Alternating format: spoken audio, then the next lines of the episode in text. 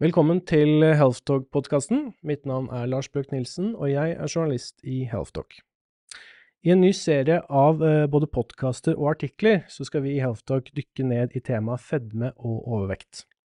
Vi ønsker at eh, vi og våre lyttere og lesere skal lære mer om sentrale områder på dette feltet.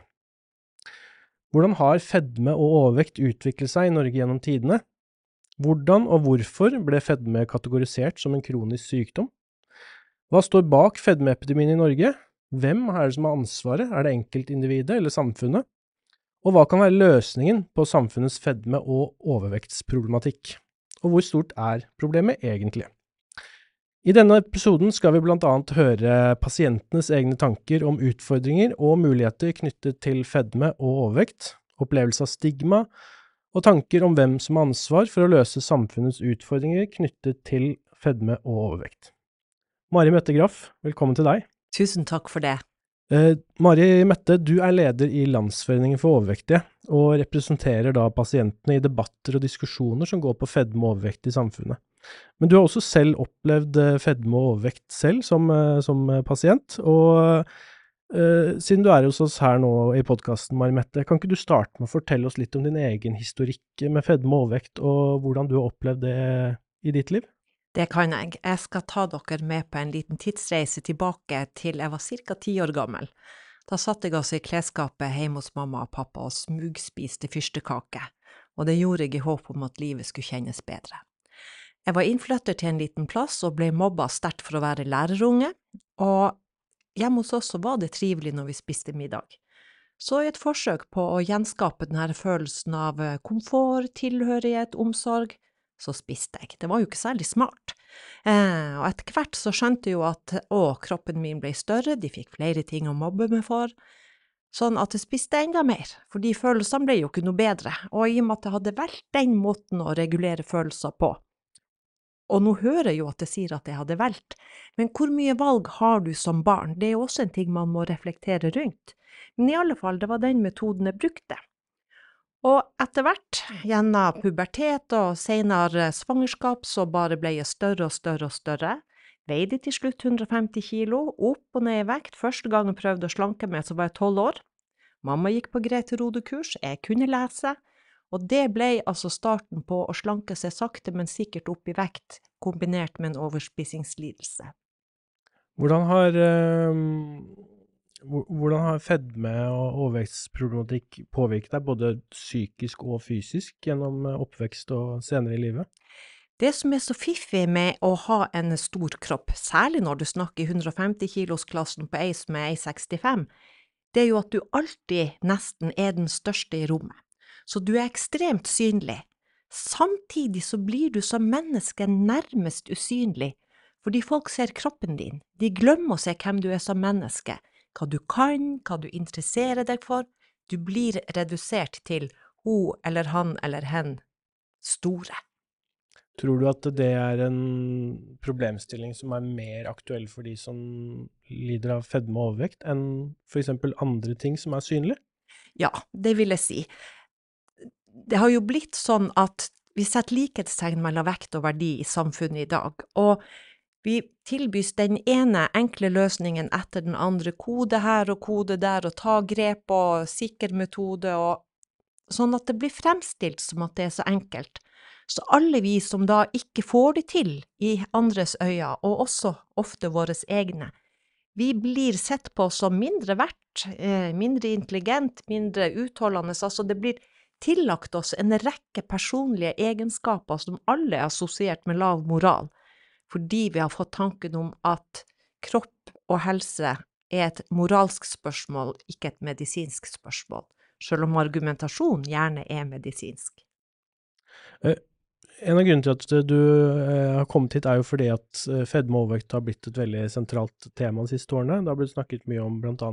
samfunnskostnader knyttet til det. Mm um, det har vært en rekke undersøkelser de siste årene, bl.a. fra Folkehelseinstituttet, som viser at vi i Norge nå har flere personer eh, med fedme og overvekt enn det er normalvektige eh, i Norge. Eh, hva tenker du personlig og som leder for Landsforeningen om dette, og hva, hva tror du kan være årsaken til denne utviklingen? Årsaker til at mennesker utvikler overvekt som etter hvert kan eskalere til fedme, handler jo om en sånn kombinasjon av en genetisk sårbarhet og de omgivelsene vi har rundt oss. Og det er klart det at gener de endres ikke veldig raskt, sånn at et menneske i dag genetisk er ikke fryktelig ulikt et menneske for 100 eller 200 år siden, men omgivelsene har jo endra seg radikalt. Det handler både om at vi lever mer inaktive liv, det handler om at vi spiser annerledes mat enn før, og man har jo for eksempel funnet ut at unger som vokser opp i nærheten av fastfood, eh, altså steder der de selger fastfood, de har hva det var en uh, røftlig 30% økt risiko for å utvikle overvekt. Sånn at det er klart, det du har tilgang på, eh, det påvirker hvordan den genetiske sårbarheten slår ut. Eh, og det er jo masse faktorer i det her. Fattigdom, eh, livsbelastende hendelser i erfaringssekken, men det kan vi kanskje komme inn på litt seinere. Mm. Men hva tenker du da når du hører sånne tall, for det er jo ganske eh, voldsomt å få slått uh, i ansiktet at det her er faktisk flere som har disse problemene, de som har um, det man kaller som er normalvektige.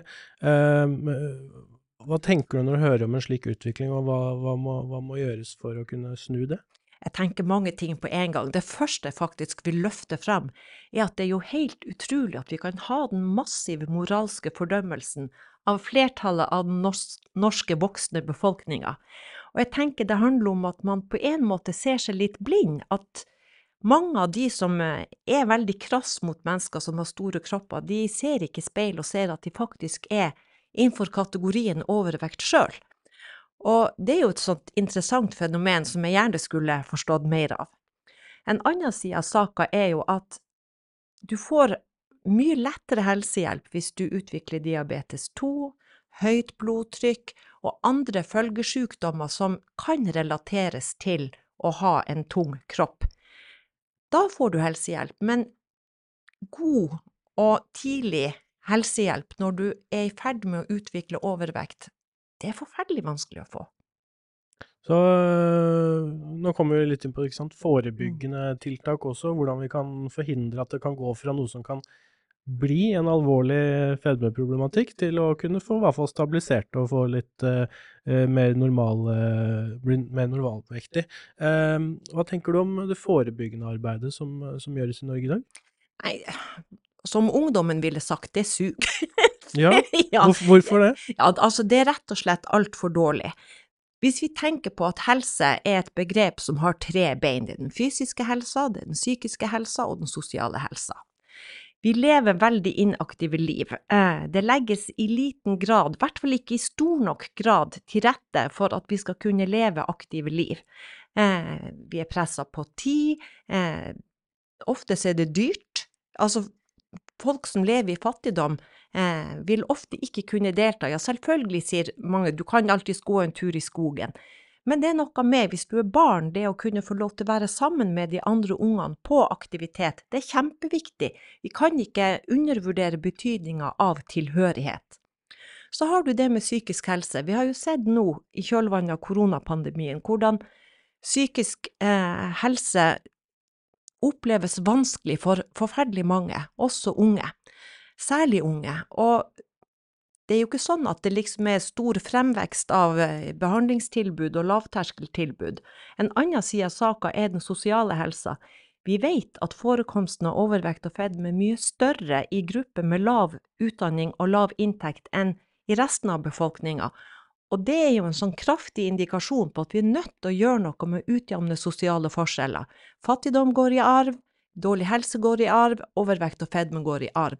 Det er jo ikke noe å være stolt over som politiker i Norge i dag, av at du ikke er villig til å gå inn i den diskusjonen og gjøre noen strukturelle grep som kan bidra til å utjevne forskjellene i helse. Er det fedme og overvekten i sin natur som gjør at det er vanskelig å ta det mer seriøst i et forebyggende perspektiv? Jeg tror det mye handler om at vi har den forestillinga om at det er et moralsk problem som er den enkeltes ansvar. Og så lenge vi tviholder på den forestillinga, og den får lov å leve relativt i fred i politiske miljøer, så vil det være vanskelig å få dem med på å gjøre de strukturelle grepene. Heldigvis har vi jo fagpersoner som er veldig tydelige og har god faglig forankring og forskningsmessig belegg for å si at sånn er det ikke. Men du blir ikke veldig populær som politiker av å skulle gå inn og gjøre noe med det her. Det er mye mer inn og gjøre noe med ja, det som er knytta til bil og røyk og alkohol. En vanskelig sak å prioritere i de dager vi er i nå? Ja, definitivt. Um, kan ikke vi gå inn litt på stigma? Ja. Uh, stigma er et ord som ofte er knytta til flere ulike sykdommer, men kanskje spesielt uh, fedme og overvekt. Uh, hvordan har du som pasient og som leder for norske fedmepasienter og de som sliter med fedme og overvekt, opplevd stigma knyttet til dette? Kan du gå litt inn på det temaet? Det kan jeg. Det handler Altså, jeg vil si at det å ha en stor kropp, det er en livsgjennomgripende erfaring. Den preger alle arenaene du er på. Alt ifra at du går på butikken, at folk kikker opp i handlekurven din, gjerne kommenterer hva du putter i den.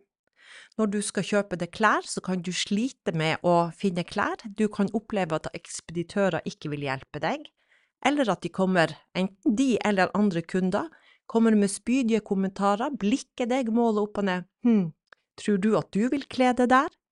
Eh, når vi skal på foreldremøte, så kan det være vanskelig i både skole og barnehage å finne en stol som er ok å sitte på. Når vi skal på kafé og restauranter, ferger, fly, igjen problemer med å sitte på en komfortabel måte, sitte på en trygg måte i bussen. Der det er beltepåbud, så er det veldig ofte at beltene ikke er lange nok til å romme verken en gravid mage eller en eh, mage på et menneske med en stor kropp. I møte med helsevesenet så finnes det dessverre forskning som grundig dokumenterer at vi utsettes for forskjellsbehandling. Fagfolk har fordommer mot pasienter med store kropper. Slett ikke alle syns vi fortjener like god helsehjelp som andre. Er det, er det på grunn av den, eh, at er, mange tenker at det er selvforskyldt? Ja, ja, det er det.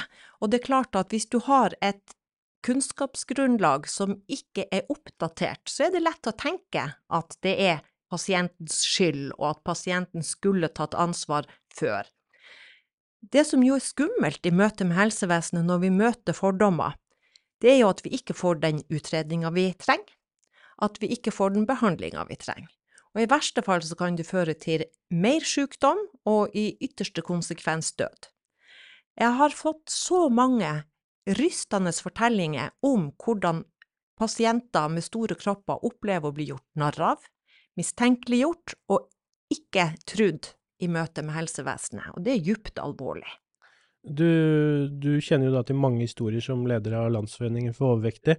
Eh, kan du dra fram noen av de mest alvorlige eksemplene, eller ett eksempel kanskje, på, på en historie som du bare ble sjokkert av? Ja, jeg syns for eksempel ikke at det hører noen plass hjemme at gynekologen venter til at uh, den kvinnelige pasienten har kledd av seg nedentil, før det kommer en særdeles spydig kommentar. Jeg tror kanskje ikke den stolen der er i stand til å bære deg. Det mm. kunne gynekologen sagt at vet du hva, jeg har ikke egnet utstyr til å undersøke deg, jeg skal henvise deg videre, før det hadde blitt tatt av et eneste klesplagg. Mm. Hva, hva, hva, tenker du kan skje når man får en sånn kommentar, da? I verste fall så vil jo da den kvinnelige pasienten slutte å gjøre de faste gynekologiske undersøkelsene som kan avsløre forstadier til kreft. Eh, pasienten vil kanskje ikke, eh, hvis hun har opplevd seksuelt misbruk, tørre å gå til det skritt å søke hjelp på voldtektsmottaket for å kunne dokumentere det her, og det vil forbli en ikke-sak. Eh, hvis det skulle komme til svangerskapsomsorg, at man vegrer seg der for å eh, søke den si, alminnelige oppfølginga, det er veldig alvorlig. Mm.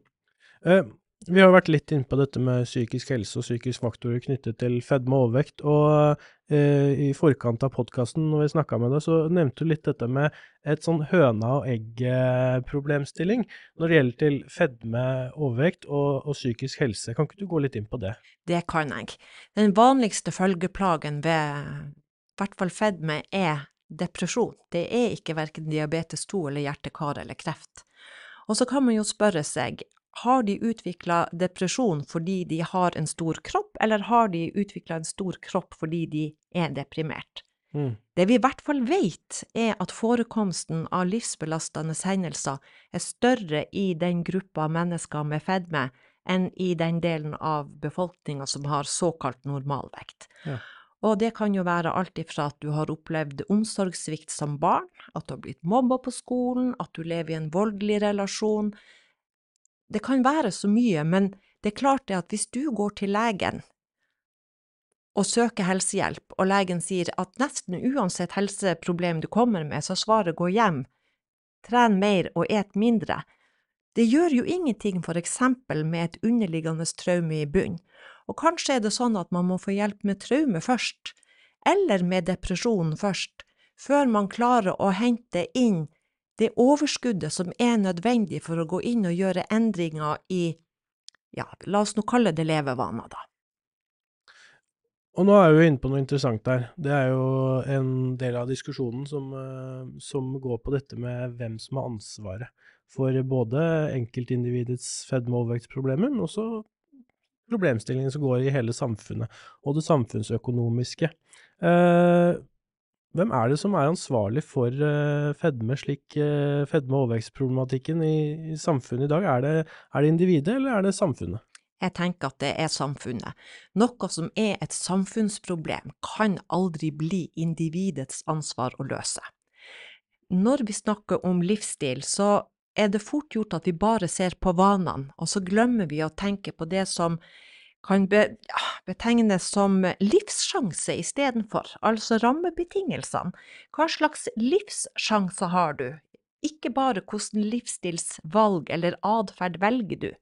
Eh, Jeg har vært veldig opptatt av det her med fattigdom, fordi det som avgjør hva du tar med deg hjem fra butikken, er hva du kan betale for.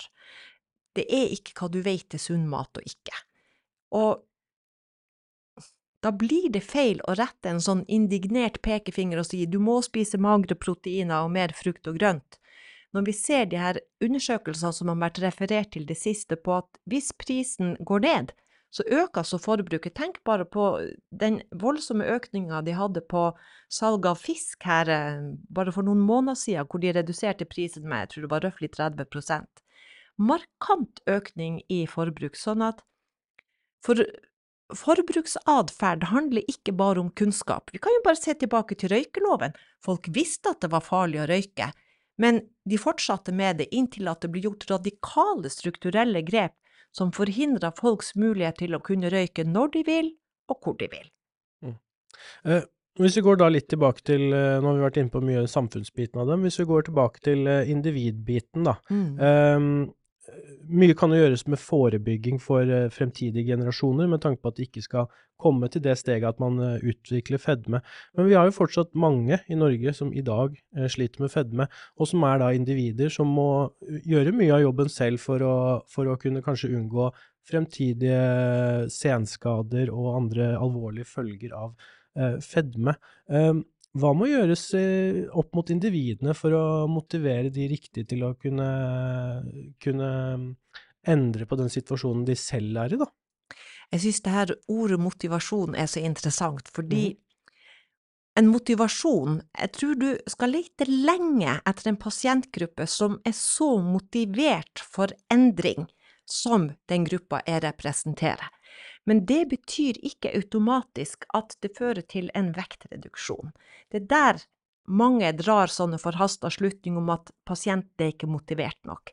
Men kroppen vår er jo dritsmart, sånn at når vi begynner å gå ned i vekt, så tenker den å, jeg dør, sånn at den setter inn mottiltak. Og det er helt greit å gå på en streng diett i seks uker. Prøv et år. Prøv fem år prøv seks år, og kjenn hvor motivert du er i viljen din. Eh, samtidig så vil jeg ikke at det jeg sier nå skal føre til at folk tenker å ja, det handler egentlig bare om at de skjerper seg. Men hvis du har et sulthormon som står og uler som en brannalarm som er aktivert, og et metthetshormon som blinker som en lyspære som er i ferd med å dø, da har du et annet utgangspunkt enn de som har en normal regulering av følelsen av sult og metthet. Og det er klart at når mange faktorer sammen virker inn for å motarbeide at du går ned i vekt, så handler det mer om mestring, og at man også måler andre ting enn bare centimeter rundt livet og kilotallet på vekta. Det handler også om hvordan har jeg det med meg sjøl, er det lov å gå rundt og ha en stor kropp og kjenne på at man mestrer hverdagen og har det godt med seg sjøl? Ja, selvfølgelig. Forskerne er jo også veldig tydelige på at hvis du har bare litt overvekt, så ikke begynn å slanke deg. Mm. Uh, tror du at uh, økt fokus på psykisk helse blant de med fedme og overvekt uh, vil kunne være viktig i fremtiden for å fikse de som sliter med de problemene også i dag, ikke bare i fremtiden? Absolutt. Er det én ting som går igjen på alle undersøkelser vi kjører, så er det at i oppfølginga av mennesker med overvekt og fedme, så må det være økt fokus på psykisk helse. Det handler om selvbilde, for det igjen påvirker jo hvordan du har det i forhold til andre, det være seg i familie, relasjoner og på jobb. Sånn at det å styrke enkeltmennesket til å stå i sitt liv, det er ufattelig viktig. Og har du en ubehandla overspisingslidelse, ja, så er det slett ikke sikkert at det er bra å bli for eksempel tilbudt fedmekirurgi. Det kan føre deg ut i nye misbruksproblemer. Penger, sex, alkohol, annen rus, you name it. Fritt valg. Når det gjelder de som da sliter med fedme og overvekt, så finnes det i dag ulike former for behandling. Det er eh, eh sunnere og bedre kosthold, det er eh, trening, eh, bevegelse. Eh, men det har jo også kommet andre hjelpemidler de siste årene. Eh, og vi har lenge hatt fedmekirurgi, men også har kommet også fedmelegemidler som skal, mm. skal hjelpe Eh, pasienter å gå ned i vekt. Og dette har jo bare eksplodert, spesielt det siste året. Eh, for de som har hørt podkasten vår tidligere, så har vi jo nevnt at eh, fedmelegemidler står jo nå for store deler av de mest solgte legemidlene i Norge. Og dette har jo skjedd veldig mye siste året. På generelt eh, grunnlag, kan ikke du si litt hva du og dere i foreningen tenker rundt eh, innførselen av fedmelegemidler? Hvilken rolle spiller de, og positivt, negativt med disse medisinene? Det som er viktig, er jo at helsevesenet har flere verktøy i verktøykassa si når de skal hjelpe pasienter. Samtidig så er det sånn at fedmemedikamenter det er jo ikke sånn som en antibiotikakur, at du tar en kur, og så er du frisk. Fedme er en kronisk tilstand, og Sånn som vi har forstått forskninga, så er det grunn til å anta at for at virkninga skal vare, så må du ta medikamentet. Det er ikke sånn at du tar det en stund, og så fortsetter virkninga etter at du har slutta det. Og det betyr at det er en stor industri, og det er klart at legemidler trenger vi. Samtidig så er det sånn at vi skal ikke lene oss så mye på legemidler at vi glemmer den delen som handler om forebygging og vi skal heller ikke lukke øynene for at behandling av overvekt og fedme handler om veldig mye mer enn å redusere antall kilo, og det er slett ikke sånn at en slank kropp alltid er en sunn kropp, og motsatt. Sånn at vi skal ikke se oss blind på det mulighetsrommet medikamentell behandling av fedme gir, men vi må huske på at det bare er ett av mange verktøy, og det er et støtteverktøy. For gjør du ikke noen grunnleggende, endringer i den atferden som har på et eller annet vis bidratt til at ditt genetiske utgangspunkt har ført deg inn i overvekt eller fedme, ja, så vil ikke noe bli forandra. Så hvis du skulle styrt over en eh, pengesekk som skulle gå til, eh, til tiltak som kunne hjelpe på både individets og samfunnets eh, fedme- og overvektsproblematikk, hvor ville du satt pengene helst? Er det medisiner, eller er det andre tiltak? Vet du hva, det er et forferdelig vanskelig spørsmål. Hvis du virkelig presser meg til å svare, så er det andre tiltak. Fordi medisin, den kan bare brukes når det er en sykdomstilstand som er eh, til stede. Og når vi vet at det går an å forebygge sykdom, eh, så tenker jeg at da skal vi ikke sitte med knepte hender i båten og vente på et forlis. Da skal vi heller gjøre det vi kan for å unngå forlis, enten det nå handler om å trutne båten eller ta på seg redningsvest, så tenker jeg at det aller viktigste er å forebygge, og i kjølvannet av det åpne for at vi kan leve med store kropper uten å skulle skjemmes når vi går ute, fordi at vi blir tillagt så mye forestillinger om hvem vi er. Vi nærmer oss slutten av uh, denne podkastepisoden. Um, jeg tenker da, Vi må jo oppsummere litt og, og, snakke litt om fremtid og hva som kan være løsninger her. Um, bredt spørsmål, men hvordan mener du at man på best mulig måte kan løse fedme- og overvektsutfordringene i samfunnet, hvis du skal oppsummere en del av det du har sagt, og eventuelt legge til noe? Mm. Først og fremst så tenker jeg at politikerne må oppdatere sin kunnskap om det her, for det er de som sitter og prioriterer de pengene vi bruker inn på helse i Norge, enten det handler om forebyggende helse eller behandling av helseproblemer. De er nødt til å rett og slett ta det ansvaret de har. De har stilt seg til rådighet for nasjonen for å gjøre vanskelige valg. Det må de også tørre her. Og så er det jo sånn at når vi snakker om å gjøre strukturelle tiltak, så vil det alltid være en blanding av forbud og påbud.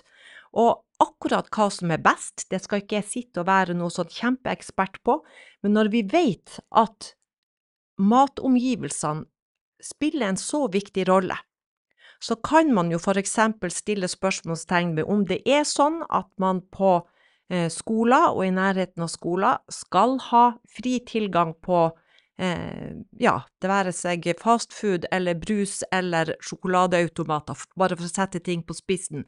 Skal det være mulig, eller kan man tenke at sånn skal det ikke være? Og hvis man absolutt vil ha sjokolade- og brusautomater overalt, er det sånn at det skal være inne på skolene, og hvis vi er enige om at nei, det skal det ikke, skal elevene da ha fri tilgang til å gå ut? En gammel rektor sjøl syns det er kjempevrient å skulle liksom begrense elevenes frihet til å kunne bevege seg litt, men går det an å tenke at når man er på skolen, så er man på skolen? Hvem veit?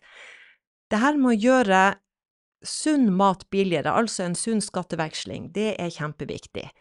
Og er det nå engang sånn at retten til å kunne kjøpe billig brus og sjokolade skal være det viktigste, ja, så kanskje vi må ta en diskusjon på hva er viktigst, å være populær eller å ta viktige valg på vegne av nasjonen som gjør at vi i sum får en annen flyt av penger og kan sette inn Nå driver vi og bruker enorme mengder på å reparere. Tenk om vi kunne forskjøve bare litt til forebygging så må vi anerkjenne at vi mennesker er hele mennesker. Vi har fysisk helse, psykisk helse og sosial helse.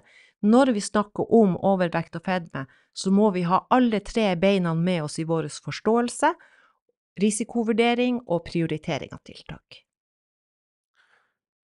Um, til slutt så kan du fortelle litt om de viktigste tingene på området dere i Landsforeningen uh, nå jobber med for å sikre den økte oppmerksomheten uh, rundt dette? Hvis du kan bare helt til slutt ta noen uh, viktige ting dere er på nå om dagen politisk? Absolutt. Vi er så heldige at vi er med i eh, revideringa av de nye nasjonale retningslinjene, både når det gjelder barn og unge og voksne, når det da kommer til forebygging, utredning og behandling av overvekt og fedme. Og det er klart, det er kjempeviktig fordi retningslinjene sier noe om hva du som pasient har rett til. Og hvis man velger å ikke følge den nasjonale retningslinja, så skal det altså begrunnes og dokumenteres. I tillegg så jobber vi inn i en masse forskningsprosjekter, hvor vi da er en brukerstemme for å sørge for at relevante spørsmål blir stilt, at viktige perspektiver ivaretas, og også i formidling av den kunnskapen man når fram til gjennom forskninga, ikke sant, at vi er med på å spre det. Når det gjelder direkte politisk innsats, så sliter vi litt med at vi gjerne skulle hatt flere folk, og veien til Stortinget skulle vært kortere. Men det er jo mange måter å jobbe politisk på, sånn at det å delta i podkaster, det å skrive kronikker, delta i media når vi kan, det gjør vi. Jeg eh, ønsker dere masse lykke til videre i arbeidet, og så vil jeg takke deg, Mari Mette Graff, for at du stilte opp eh, her i dag. Eh, vi kommer tilbake med flere podkaster og artikler på tema fedme og overvekt i løpet av første delen av året, så vi oppfordrer absolutt våre lesere til å følge oss videre på dette. Da vil jeg si takk til deg, og så ønsker jeg av våre lyttere og seere en god dag videre.